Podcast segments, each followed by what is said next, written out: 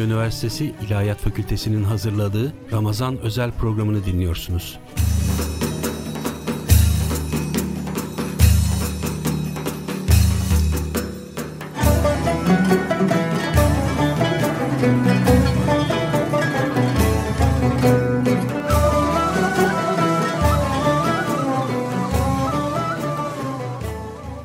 Saygıdeğer dinleyiciler, 11 ayın sultanı, gönüllere şifa, insanlığa rahmet, bir Ramazan ayına daha eriştik.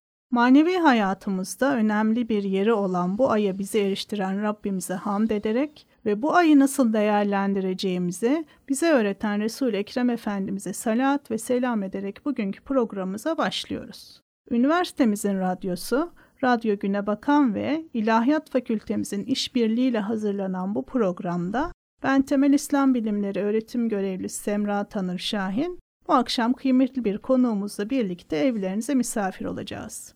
Değerli dinleyicilerimiz, bugünkü programımıza fakültemiz öğrencilerinden Abdülkadir Karabıyık'ın okuyacağı Zuhruf Suresi 81 ve 89. ayetler ile başlıyoruz. أعوذ بالله من الشيطان الرجيم.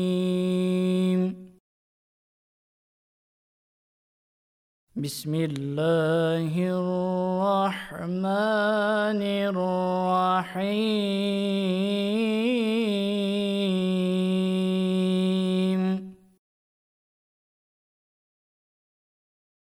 قل إن كان للرحمن ولد.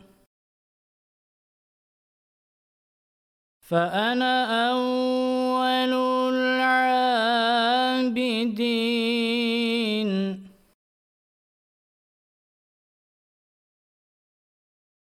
سبحان رب السماوات والأرض رب العرش عما يصفون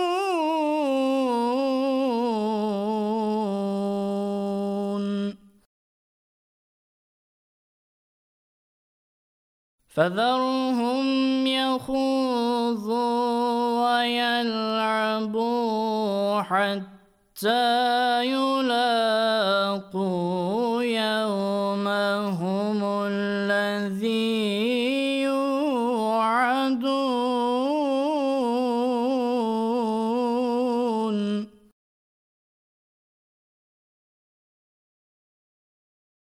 وهو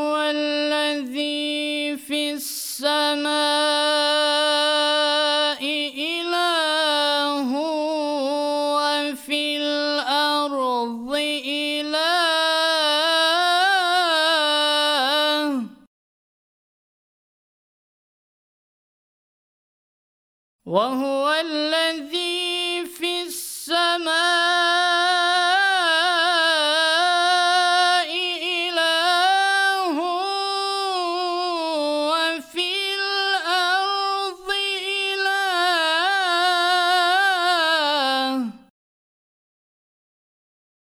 وهو الحكيم العليم.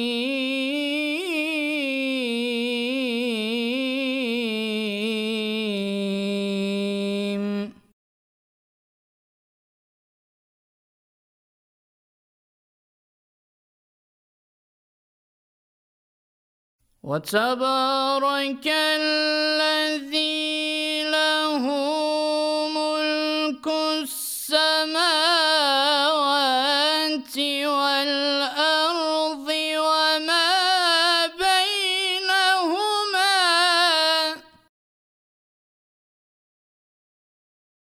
وعنده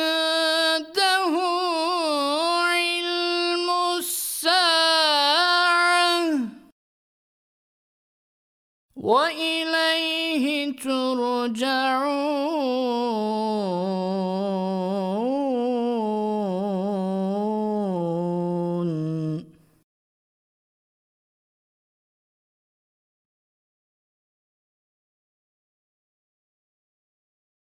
ولا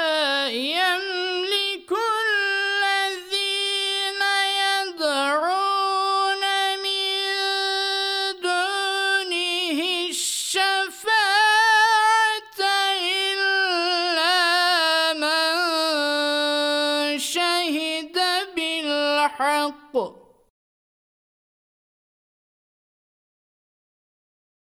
إلا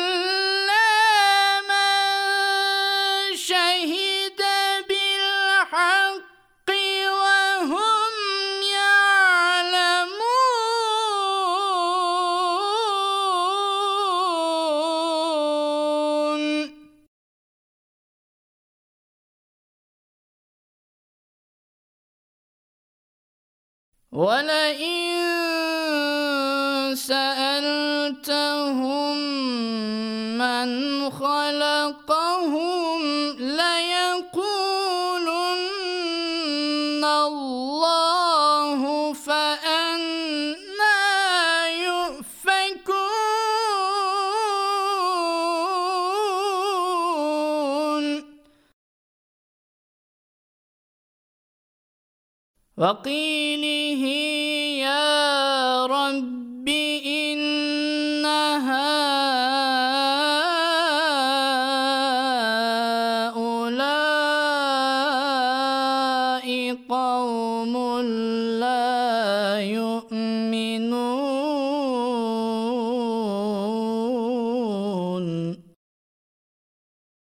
فاصفح عنهم وقل سلام.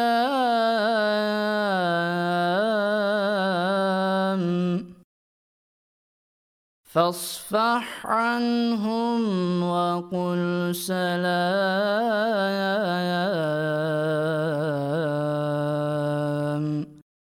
فسوف يعلمون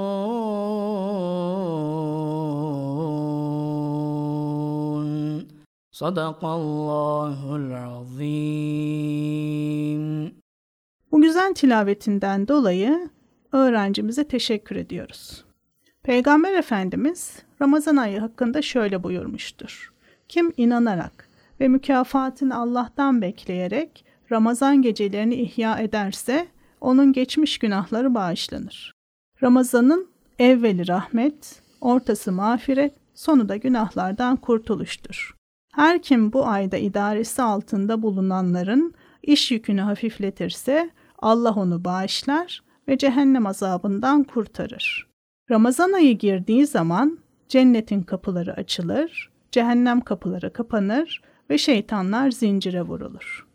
Kendisine erişme bahtiyarlığına mazhar olduğumuz Ramazan ayına en çok yakışan şeylerden biri de Kur'an'la meşguliyeti arttırmak, onu okumak ve anlama çabası içinde olmaktır.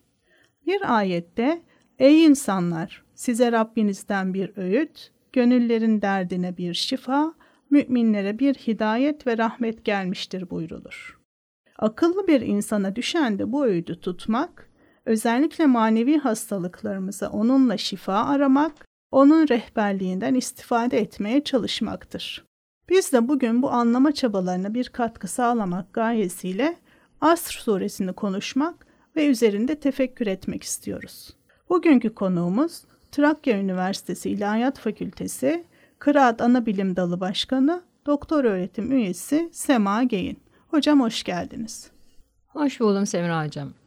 Oruç ayı, rahmet ayı, Kur'an ayı olan bir Ramazan'a daha kavuştuk çok şükür. Hepimiz için mübarek olsun. Onun bereketinden istifade edebilmek, sonunda günahlarımızdan temizlenip tertemiz olmak hepimize nasip olsun. Davetlerle sofralarımızı şenlendireceğimiz, teravihlerle gecelerimizi süsleyeceğimiz, vereceğimiz sadakalarla mallarımızı ve ömrümüzü bereketlendireceğimiz, Ramazan ayı için vaat edilen mükafatlara layık olabileceğimiz bir ay geçirelim inşallah. İnşallah Sema Hocam. Bugün birlikte Asr suresini konuşalım istedik. Surenin genel özellikleri hakkında bize neler söylersiniz? Asr suresi Musaf'taki sıralamada 103. iniş sırasına göre 13. suredir. İnşirah suresinden sonra Adiyat suresinden önce Mekke'de inmiştir. Medine'de indiğine dair rivayette vardır. Üç ayetten oluşan Asr suresi Kur'an'daki en kısa surelerden biridir. Ancak o kadar kapsayıcıdır ki İmam Şafii başka bir sure inmeseydi bu sure insanlara yeterdi buyurmuştur. Asr suresi mealen şöyledir. Asra yemin olsun ki muhakkak insan hüsrandadır. Ancak iman edenler, salih ameller işleyenler, birbirlerine hakkı ve sabrı tavsiye edenler bunların dışındadır. Burada bir şey dikkatimi çekti Sema Hocam. Sure bir yeminle başlıyor. Bu yeminin sebebi nedir?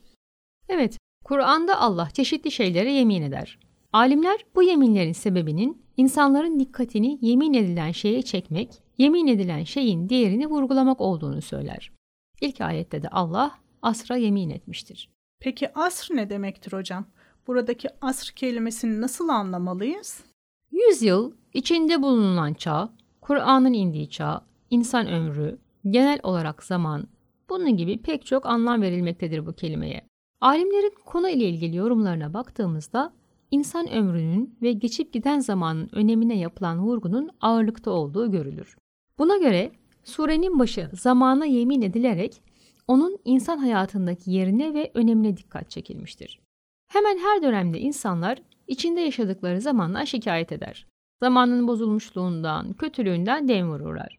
Allah'ın mutlak anlamda zamana yemin etmesi insanların bu yargılarının asılsız olduğunu da gösterir. Zira zamanın kendisinde bir bozukluk, kötülük yoktur. Zaman salih amelle değerlendirilirse insanın kurtuluşuna vesile olur. İnsanın dikkat etmesi gereken şey budur. Haddi zatında zaman, kendisi zaman üstü olan Allah Teala'nın yaratma, yönetme, yok etme, rızık verme gibi kendi varlığını ve sonsuz kudretini gösteren fiillerinin tecelli ettiği bir varlık şartıdır. Diğer taraftan da insanın hayatını içinde geçirdiği ve her türlü eylemlerini gerçekleştirebildiği bir imkan ve fırsatlar alanıdır. Yüce Allah böyle kıymetli bir gerçeklik ve imkan üzerine yemin ederek zamanın önemine dikkat çekmiş, onu iyi değerlendirmeyen insanın sonunun ikinci ayetteki deyimiyle hüsran olacağını hatırlatmıştır. Hüsran ne demektir peki? Hüsran da kazanacak yerde zarar etmek, sermayeyi kaybetmek, mahrumiyet ve pişmanlığa düşmek, helak, dalalet gibi anlamlara gelir. Sure bütünlüğü içinde baktığımızda anlamın çok genel olduğu görülür. Hüsran, dünya ve ahiret saadetinden mahrum kalıp ziyana uğramak demektir. Bu anlattıklarınızı düşününce sure buraya kadar olan kısmıyla insanı dehşete düşürüyor hocam. Çünkü bütün insanlığın topyekün bir ziyan, hüsran içinde olduğunu söylüyor. Bu hüsrandan kurtulmanın, bunun dışında kalmanın bir yolu var mıdır? Evet, ilk ayet çok genel ifadeler kullanır. İnnel insane lefi huzr. Muhakkak ki bütün insanlık hüsrandadır. Son ayet yüreklerimize biraz daha su serpiyor sanki. Ancak iman edenler, salih ameller işleyenler, birbirlerine hakkı ve sabrı tavsiye edenler bunların dışındadır buyruluyor ayette. Bu özellikler insanların bu dünyada ve ahirette gerçek mutluluğa ulaşmasının olmazsa olmaz şartlarıdır. Gerçek mutluluğu arayan bu özelliklere sahip olsun deniyor bize. Yani bundan sonra açıklamaya çalışacağımız hususlar mutluluğun olmazsa olmaz prensipleridir diyebiliriz. O zaman biraz da buradaki kelimeleri açalım. Hüsrana uğramayacak olan dört grup insandan bahsedilir ayette. İman edenler bunların başında gelir. İman kelime olarak tasdik etmek demektir. Kabiliyetleri sınırlı ve ölümlü olan insanın ezeli, ebedi ve baki olan Allah'a kendi iradesiyle güven ve huzur içinde kalben bağlanmasıdır. İman, insanın dünyadaki tüm fiillerine değer katan temel esastır. Bu yüzden de en başa gelmiştir.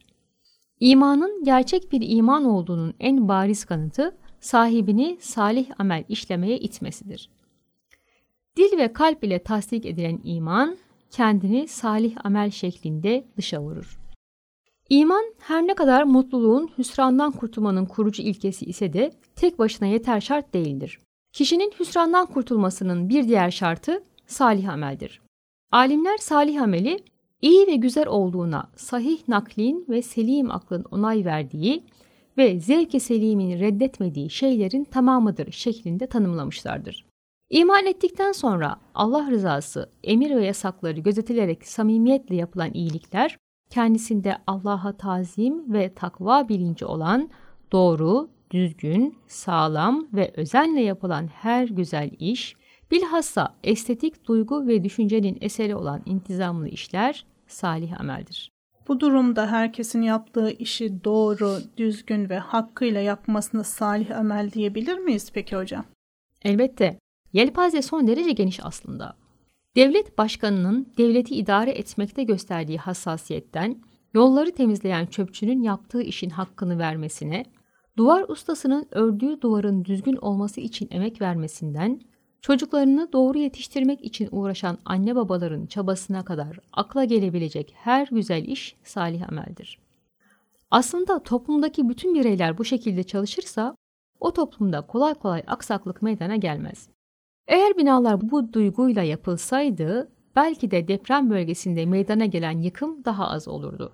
Zira aynı mahallede bulunan iki binadan birinin yerle bir olup diğerinin ayakta kalmasını açıklayabilecek temel nokta sanırım iş ahlakı, yapılan işin hakkıyla yapılması veya yapılmaması olacaktır. Ne kadar haklısınız hocam. Aslında Müslüman demek işini en güzel şekilde yapan demektir. Nitekim Bakara suresi 195. ayette Allahü Teala yaptığınız işi güzel yapın. Allah işini güzel yapanları sever buyuruyor. Peki hocam, ibadetler de salih amel kapsamına girer mi? Yoksa onları farklı bir kategoride mi değerlendirmeliyiz? Tabii ki girer. İbadetler kişisel, ailevi ve toplumsal pek çok faydaya sahip olan ve sahibini hüsrandan kurtarıp saadete ulaştıran çok önemli bir salih amel türüdür. Örneğin, insan namazı fiziki ve ruhi şartlarına uygun bir şekilde ifa ettiği takdirde Ankebut suresi 45. ayette de ifade edildiği üzere bu ibadet onu kötülük ve çirkinliklerden alıkoyar. Başka bir ifadeyle onu hüsrandan kurtararak mutluluğa taşır. Mali ibadetler ise toplumun varlık, birlik ve bekasının en önemli unsurlarıdır. Topluma ihtiyaç duyulan köprü, yol, çeşme, hastane, okul yaptırmak, muhtaçlara yardım etmek, yetimleri, kimsesizleri himaye etmek, istihdam alanları açmak, sanat alanında yatırımlar ve desteklerde bulunmak toplumsal yönü olan çok önemli salih amellerdir. Adalet, emanet ve muhabbet gibi ahlaki erdemler ve ruhi faziletler de çok önemli salih amellerdir. Öyle ki adaletle hükmeden hakimin bir günü 60 sene nafile ibadetten eftaldir. Adil olmayan hakim ise ömrünü ibadet ile geçirse bile faydasızdır. Hakimin hüsrandan kurtulması ve saadete ermesi ancak adalet ile mümkündür. Onun öncelikli işi ve sorumluluğu adil olmaktır. Bu vazifesini ihmal etmesi ve nafile ibadetlerle uğraşması salih amel değildir. Surede bu kavramın mutlak olarak zikredilmesinin sebebi insanların durumunun farklılığı sebebiyle yapabilecekleri salih amellerinde farklı oluşudur. Dolayısıyla her mükellef için öncelikli ve elzem olan salih amel onun durumuna göre değişiklik arz eder. Örneğin infak, zekat ve tasadduk öncelikli olarak fakirin değil, zenginin salih amelidir.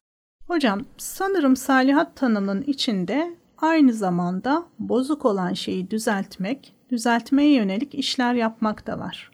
Bu tanıma göre bulunduğumuz zaman ve zeminde adli, idari, siyasi, iktisadi ve benzeri akla gelebilecek her türlü bozukluğun düzeltilmesi için gösterilecek çaba, yapılacak uygulamada aslında salihat işlemektir. Salihat, imanı kuru bir iddia olmaktan çıkarıp görünür kılmaktadır. Surede hüsrana uğramayacak bir diğer grup da birbirine hakkı tavsiye edenlerdir. Bu kısmı nasıl anlamak gerekir? Burada haktan kastedilen nedir? Aklın inkar edemeyeceği derecede gerçek ve değişmez olandır. Doğru, isabetli, maksada uygun olandır. Her an ve her yerde değişmez olarak bulunan Allah, gerçek haktır. Vahiyler, peygamberler, İslamiyet haktır. Ayette fiil, Arapçada müşareket, Türkçede işteş dediğimiz kalıpta gelir. Yani hakkı tavsiye etmek karşılıklı olarak yapılan bir faaliyettir. Dolayısıyla hakkı tavsiye eden kimse de yanıldığında ve kendisine hak tavsiye edildiğinde bu tavsiyeyi dikkate almak zorundadır. Hakkın tavsiyeleşilmesi emri, kişinin sadece kendisinin hakka uymasının yetmeyeceğini, aynı zamanda birbirlerine hakkı tavsiye etmelerinin bir zorunluluk olduğunu gösterir. Müminlerden oluşan bir toplum, insanlar arasında batılın, kötülüklerin yayılmasına seyirci kalamaz. Her koyun kendi bacağından asılır sözüne göre yaşayamaz. Hakkı, doğruluğu, adaleti sadece kendisi yerine getirmiş olmakla sorumluluktan kurtulamaz. Bu konuda yardımlaşma şarttır. Çünkü bunlar nefse zor gelen şeylerdir. Nefsin arzuları, menfaatler, zalimlerin zulmü, cahillerin baskısı insanları adaletli davranmaktan uzaklaştırabilir. İşte bu yüzden Müslüman bir toplumda bireyler birbirlerine hakkı tavsiye etmekten geri durmamalıdır. Bu konuyla ilgili İslam tarihinden bir örnek vermek isterim. Hazreti Ömer hilafete geçtiği zaman çevresindeki insanlara sorar. Ben haktan, adaletten ayrılırsam ne yaparsınız? Halktan biri cevap verir. Seni kılıçlarımızla düzeltiriz ya Ömer. Hazreti Ömer bu cevabı aldığına çok sevinir ve hamd eder. Özellikle ilk dönem İslam toplumunda bireylerin bu konuda hassas olduklarını görmek mümkündür. Yine Hazreti Ömer döneminden bir örnek verelim. Hazreti Ömer halifeyken bir bayram hutbesinde kadınlar fazla mehir istedikleri için erkeklerin evlenmekten çekindiklerini söyleyerek kadınların bundan vazgeçmesini ister. Yanlış hatırlamıyorsam da belli bir miktar zikrederek bunun üzerine çıkmasınlar der. Bunun üzerine cemaatten bir hanım ayağa kalkarak ona karşı çıkar. Allah'ın bile sınır koymadığı bir şeye sen sınır koyamazsın der. Hazreti Ömer durur ve kadın doğru söyledi, Ömer yanıldı der. Görüldüğü üzere bir mümin karşısındaki halife Ömer bile olsa hakkı söylemekten çekinmeyen kişidir. Ve aynı zamanda kendisi halife Ömer bile olsa yanlış yaptığı kendisine söylendiğinde bunu kabul edip hatasından dönecek kadar olgun olmalıdır. Burada dikkat edilmesi gereken bir başka nokta, hakkı tavsiye eden kişinin öncelikle kendisinin hakkı uyguluyor olmasının gerekmesidir. Aksi halde yaptığı şey kuru bir gevezelik olmanın ötesine geçmez. Yaptığı haktan soğutmaktan başka bir işe de yaramaz. Bir toplumu ayakta tutan şey birlik beraberlik ruhudur. Yardımlaşmadır, dayanışmadır. En büyük yardımlaşma hakkı uygulama konusunda olmalıdır. Peygamberimiz Müslümanlar bir binanın tuğlaları gibidir buyurarak toplumda olması gereken dayanışma ruhunu göstermekte. Eskiden çocuklar mahallelerde büyür, mahallenin büyükleri de onların yanlış yaptığını gördüğünde müdahale ederdi. Zira toplum içinde yapılan bir yanlış sadece o kişiyi bağlamaz, sirayet eder. Komşunun çocuğunda bir yanlış varsa bunun senin çocuğuna da geçmesi kuvvetle muhtemeldir. Bana ne diyemezsin. Bireylerin birbirine desteği olmadan tek başına doğru yaşamaya çalışmak yaşayan için elbette önemlidir. Ama toplum düzeni söz konusu olduğunda yeterli değildir. Meşhur benzetmeyle hepimiz aynı geminin içinde yol alıyoruz. Batarsa batsın diyemeyiz. İşte gemiyi batırmaya çalışan kişinin elini tutmak, onu engellemek, hakkı tavsiyeleşmektir. Burada aklıma gelen bir hadisi zikretmek isterim ben de Sema Hocam. Peygamberimiz bir gün ashabına kardeşiniz zalim de mazlum da olsa ona yardım edin der. Ashab şaşırır. Mazlumu anladık da zalime nasıl yardım edelim ya Resulallah diye sorarlar. Peygamberimiz zulmetmesini engelleyin bu da ona yardım etmektir buyurur. Çünkü yapacağı zulüm ve haksızlıktan onu kurtarmak, işleyeceği haram ve günaha engel olmak, dünya ve ahirette hak edeceği cezadan onu kurtarmak demektir. Zalime bundan daha büyük bir yardım olmaz. Buna karşılık zalimin zulüm yapmasına göz yummak ve engel olmamak da zulmün bir çeşididir aslında. Yine bir hadiste Peygamber Efendimiz, sizden her kim bir kötülük, bir biçimsizlik görürse onu eliyle değiştirsin. Ona gücü yetmeyen diliyle değiştirsin. Ona da gücü yetmeyen kalbiyle buğz etsin ki bu imanın en zayıfıdır buyurmuştur. Anladığımız kadarıyla bir Müslümanın gördüğü, tanık olduğu sıkıntılar karşısında sessiz kalması, bana dokunmayan yılan bin yaşasın demesi mümkün değildir. Evet hocam, ayetin devamına bakacak olursak, kurtuluşa erecek olan son grup olarak da birbirine sabrı tavsiye edenler geçiyor. Sabır nedir ve nasıl olur? Daha doğrusu nasıl olmalıdır? Kur'an'da sabır 70'ten fazla yerde geçer. Kelime anlamıyla sabır, acıya katlanma, sıkıntı ve zorluklara soğukkanlılıkla direnme anlamlarına gelir. Ayette neye sabretilmesi gerektiği belirtilmemiştir. Bunun içinde mutlak manada sabredilmesi gereken her şeye karşı gösterilmesi gereken sabırdan bahsedilmektedir. Son dönemde yaşayan alimlerimizden olan Ahmet Hamdi Akseki, sabra konu olan musibetleri telafisi imkansız olan ve olmayan musibetler olmak üzere ikiye ayırır. Semavi musibetler olarak isimlendirdiği birinci tür musibetlere maruz kalmak ve bunlardan kurtulmak insanın seçim ve kudretinde değildir. Bu tür musibetlere katlanmak, boyun bükmek ve rıza göstermek gerekir ki bu sabrı cemil olarak isimlendirilir. Çünkü herkes bilir ki giden geri gelmeyecektir. Bu musibetler fıtratın karşı konulamaz ve değiştirilemez kanunlarıdır. Yakın zamanda yaşadığımız deprem, sel gibi felaketlerde, ölüm, çaresiz hastalık gibi durumlarda isyan etmeden o durumdan en az zararla kurtulmayı sağlayan güç sabırdır. İkinci tür musibetlerin telafi ve tedavisi ise mümkündür. Bunlara katlanmak sabrın bir kısmı, bunların giderilmesi için var gücüyle çaba göstermekte diğer kısmını oluşturur. Mücadele etmeden bu sıkıntılara katlanmak sabır değildir. Mesela tedavisi mümkün olan bir hastalığa ya da giderilmesi mümkün bir fakirliğe düşen birinin dert Allah'tan geldi, devayı verecek olan da odur diyerek yan gelip yatması ve hiç çaba harcamaması sabır değildir. Son tahlilde tedavi olmak da Allah'ın emridir. Yine güncel bir konu olduğu için söylüyorum. Deprem olduktan sonra başa gelene rıza gösterip isyan etmemek, orada gösterilmesi gereken sabrın bir kısmı ise oluşturduğu hasarı giderebilmek için çabalamakta diğer kısmıdır. Yoksa deprem Allah'tandır ne yapalım diyerek enkaz başında beklemek sabır değildir. İnsanın kendi iradesi ve gücüyle üstesinden gelebileceği kötülüklere katlanması ya da karşılayabileceği ihtiyaçları temin etme konusunda gevşeklik göstermesi sabır değil, acizliktir, tembelliktir, korkaklıktır. Sabır, pasif bir boyun eğiş, zillete katlanış, nefse esir olma değildir. Nedir sabır? Sabır, aklın ve dinin gösterdiği yolda sebat etmek, kararlı olmak, nefsin arzularına direnmektir. Bizler kolaya ve hazza daha düşkünüz Semra Hocam. Kesinlikle öyle hocam. Mesela parayı yoksula vermektense kendimize harcamayı, çalışmaktansa eğlenmeyi, soğuk kış günlerinde sıcak yataktan kalkıp namaz kılmaktansa yatmayı tercih ederiz. İşte kolayı bırakıp her türlü zorluğuna rağmen doğru olanı yapmak sabırdır. Bir hadiste peygamberimiz sabır üçtür. Musibetlere karşı sabır, kullukta sabır ve günah işlememekte sabır diyerek sabır konusuna daha geniş bir bakış açısı getirmiştir. Musibetlere karşı sabır kısmını az önce konuştuk. Kullukta sabır ne demek? Kullukta sabır, Allah'ın emir ve yasaklarını yerine getirme konusunda dirayetli olmaktır. Namaz söz konusu olduğunda tembelliğe teslim olmamak, içimizdeki boşver kaza edersin, yaşlanınca kılarsın diyen sesi susturabilmek, oruçta açlığa, susuzluğa Allah için katlanmak, cebimizde akrep varmış gibi hissetsek de malımızın eksileceğinden, tükeneceğinden korksak da zekat ve sadaka verirken cömert olmak gibi. Bir de günah işlememekte sabır var. Mesela öyle bir işimiz var ki istersek çalarak iş yerini rahatlıkla dolandırıp çok zengin olabiliriz. İşte burada çalmamak sabırdır. Allah'ın emir ve yasaklarını çiğneyebileceğimiz halde bunu yapmadığımız ve yapmamaya gayret ettiğimiz her durumda sabır göstermiş oluruz.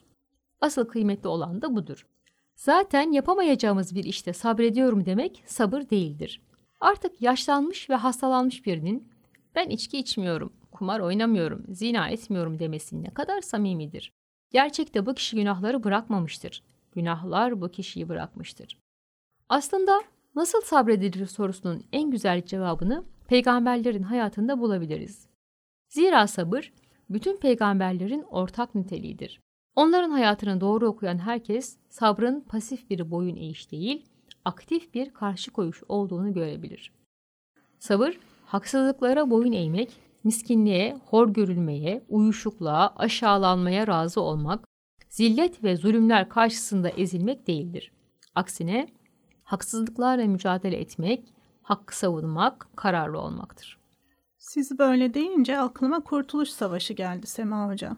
Bu anlamda gösterilen sabrın en güzel örneklerinden biri sayılabilir istiklal mücadelesi. Ecdadımızın onca yokluğa rağmen yedi düvele diz çöktürmesi, zulüm karşısında nasıl durulması gerektiğinin abidevi bir örneğidir aslında. Evet, kesinlikle öyle. Son olarak sabır konusuna şunu da eklemek isterim. Alimler bir de nimet vaktinde sabırdan bahsederler.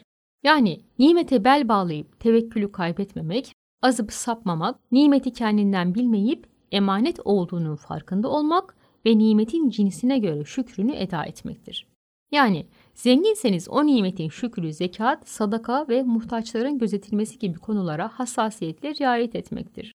Alimseniz ilminizden talep edenleri nimetlendirmektir. Sağlıklıysanız Allah rızası için koşturmaktır vesaire. Buraya kadar ifade ettiklerinizden anlıyorum ki övülen ve tavsiye edilen sabır, iman ve güzel amel ile hak ve hayır yolunda sabırdır. Ki bu da cesaret, sadakat ve mertlik alametidir.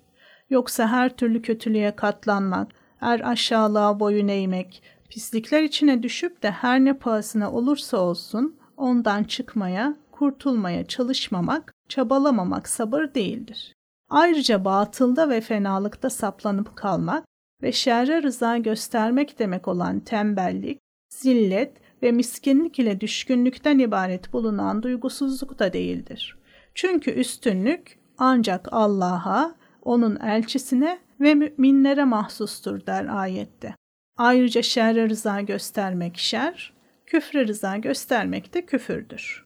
Ayetlerimiz hakkında münasebetsizliğe dalanları gördüğün zaman onlar başka bir söze geçinceye kadar onlardan yüz çevir. Eğer şeytan sana bunu unutturursa hatırladıktan sonra hemen kal, o zalimler topluluğuyla oturma ayeti de bu manayı ifade eder.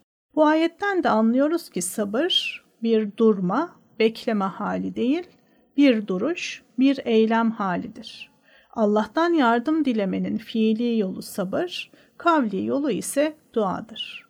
Şunu da belirtmek gerekir ki sabredilmemesi gereken hallerde de telaş ve hiddetle hareket etmeyip eylemlerimizde bulunması gereken itidali gösteren de ki işte bu benim yolumdur. Ben insanları Allah'a körü körüne değil bir basiret üzere davet ediyorum.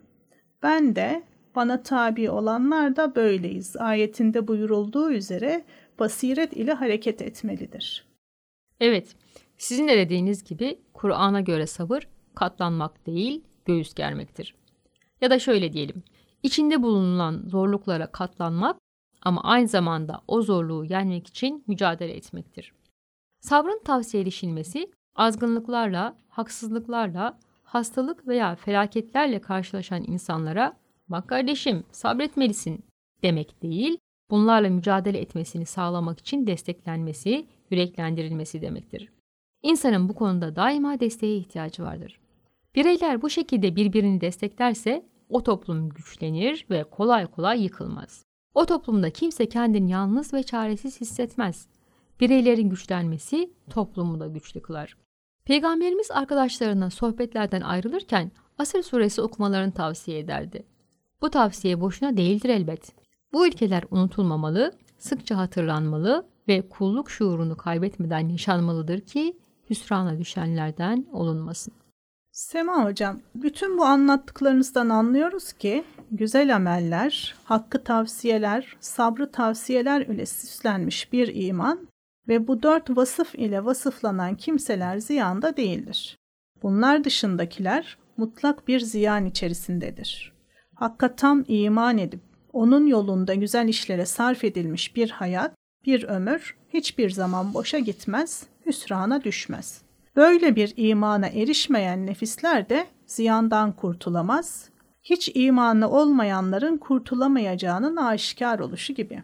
Yine ayetten anlıyoruz ki Hakka iman etmekle beraber güzel işler yapmayan, hakkı ve sabrı tavsiye etmeyen kimseler de bir çeşit ziyan içindedirler. İmanı olup da imanına göre amel etmeyen fasıklar, asiler için de bir çeşit ziyan vardır. Bu surenin geniş bir şekilde açıklanması adeta bütün Kur'an demek aslında. Üzerine daha çok şey konuşulabilir. Fakat biz bugünkü programın süresini doldurduk. İnşallah başka zaman daha genişçe üzerinde durabiliriz hocam. Ben size bugünkü programımıza katılımınızdan dolayı ve bu bereketli sohbet için çok teşekkür ediyorum. Ben de saygıdeğer dinleyicilerimize ve size teşekkür ediyor. Hayırlı iftarlar diliyorum.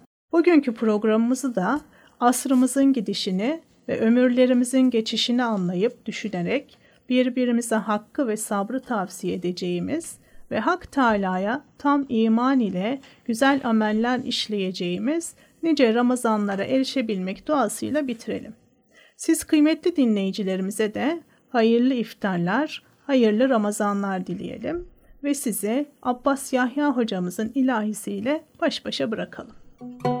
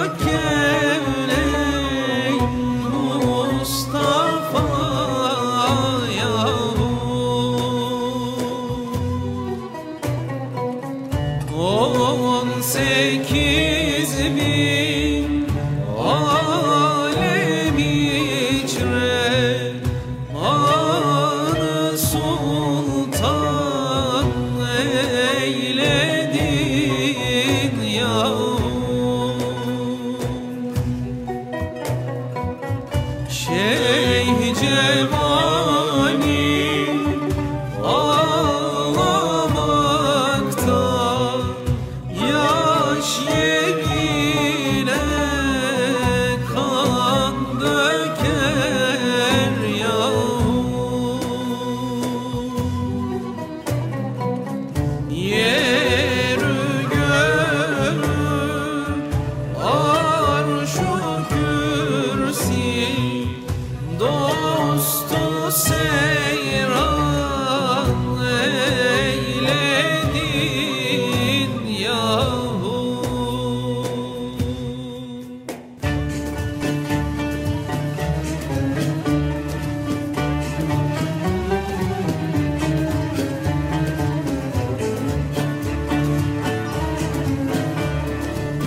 Bakü Üniversitesi İlahiyat Fakültesi'nin hazırladığı Ramazan özel programını dinlediniz.